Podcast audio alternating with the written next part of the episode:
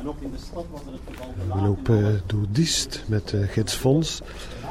En uh, in andere uitzendingen hebt u ook andere gidsen gehoord. En nu zijn we in het Begijnhof van Diest. En dat is uh, UNESCO Werelderfgoed. En dat zie je en dat voel je ook.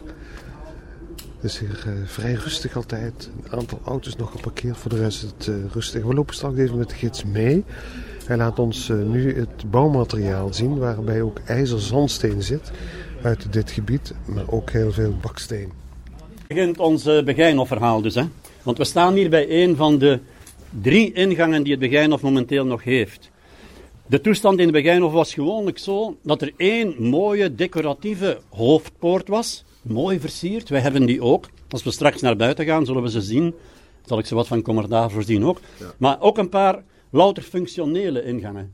Die toegang gaven tot en niet meer dan dat. Die niet mooi wilden zijn, die gewoon functioneel waren. Dit is er één van. Ik wil er nog even op wijzen dat ook de huizen die daar liggen, dus eigenlijk buiten de poort, ja. nog Begijnhofhuizen zijn. Maar dat waren pesthuizen. Een van de taken van Begijnen was hè, in hun lange geschiedenis af en toe vrouwelijke pestleiders gaan verzorgen. En als die terugkwamen, die mochten niet meteen terug hun intrek nemen op het Begijnhof. Die werden een tijdje in quarantaine geplaatst. Onder andere in die huizen. Hè. Nu goed, dames en heren, even een woordje over de geschiedenis van dit Begijnhof. Misschien van Begijnenwezen in het algemeen. Misschien draag ik water naar de zee en kent u het verhaal al lang, maar ja, ik moet mijn verhaal een beetje logisch opbouwen. Hè. Nu, Begijnen wezen, laten we zeggen, ontstond 12e, maar vooral 13e eeuw. En er zijn heel veel verhalen rond waarom die Begijnen eigenlijk ontstaan zijn. Velen brengen het in verband met de kruistochten. Dat is niet helemaal verkeerd. Hè? Door de kruistochten was er een vrouwenoverschot. Mannen trokken weg naar het Heilig Land, keerden vaak niet terug. Er waren veel te veel vrouwen en die zouden dan een toevlucht gezocht hebben tot een Begijnhof. Is dat verhaal verkeerd? Nee, maar is zeker niet het belangrijkste. Het belangrijkste is dat we in die 12e, 13e eeuw grote religieuze hervormingen zien in de kerk.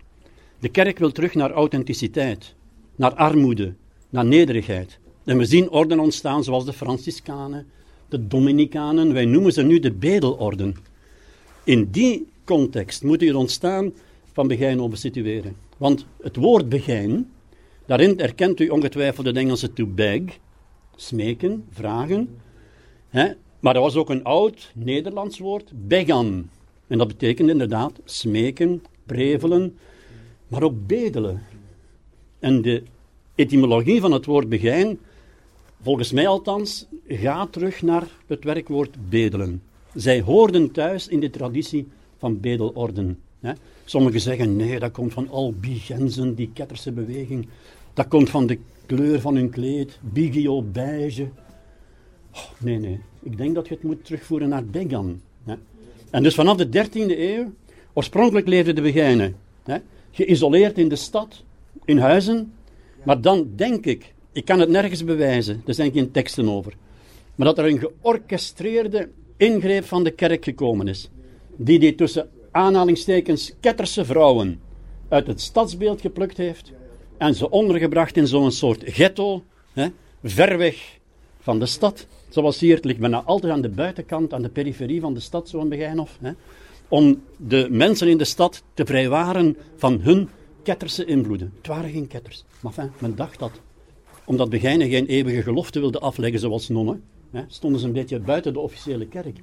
Maar ook zagen we die Begijnhoven verschijnen aan de buitenkant van de stad, om de Begijnen zelf hè, van die wereldse invloeden te vrijwaren midden in het centrum van de stad.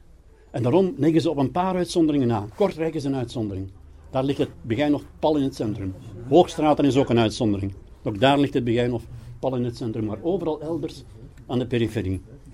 En dus, ik denk dat de kerk daar op een bepaald moment gezegd heeft: wij gaan, ja, sites creëren, waar de begijnen geïsoleerd, helemaal ommuurd, want rond een Begijnhof liep in de regel een muur, kunnen leven weg van de pomperijen in de stad. En dat is ook in Diest gebeurd. Stichtingsdatum 1253. Eh, je ziet bijna alle Begijnhoven rond dezelfde tijd ontstaan. Zeker de werelderfgoed Begijnhof. Vandaar denk ik dat het geen toeval is dat er een ingreep van de kerk, van de hogere instanties geweest is. Om het allemaal op hetzelfde moment ongeveer te laten beginnen. Hè. Helft van de 13e eeuw. Maar, dames en heren, Verwacht niet dat je hier 13e eeuwse toestanden tegenkomt. Dit is 17e eeuw, behalve de kerk. Hè. De kerk is authentiek. Maar wat zien we gebeuren? In bijna alle Begijnhoven weer. De 17e eeuw, de tijd van de barok, was een rijke tijd voor de kerk in het algemeen, voor Begijnhoven in het bijzonder. En men kon zich permitteren van die oude houten en leme huizen die er stonden, die kabanen af en toe maar, af te breken en te vervangen, ook omwille van het brandgevaar, door de stenen huizen die er nu staan.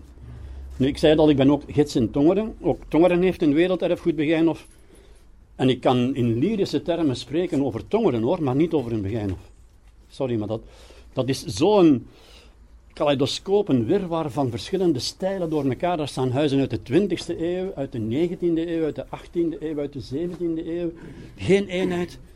Wat ik van dit Begijnhof kan zeggen, is dat alles dateert uit dezelfde tijd. 17e eeuw dus.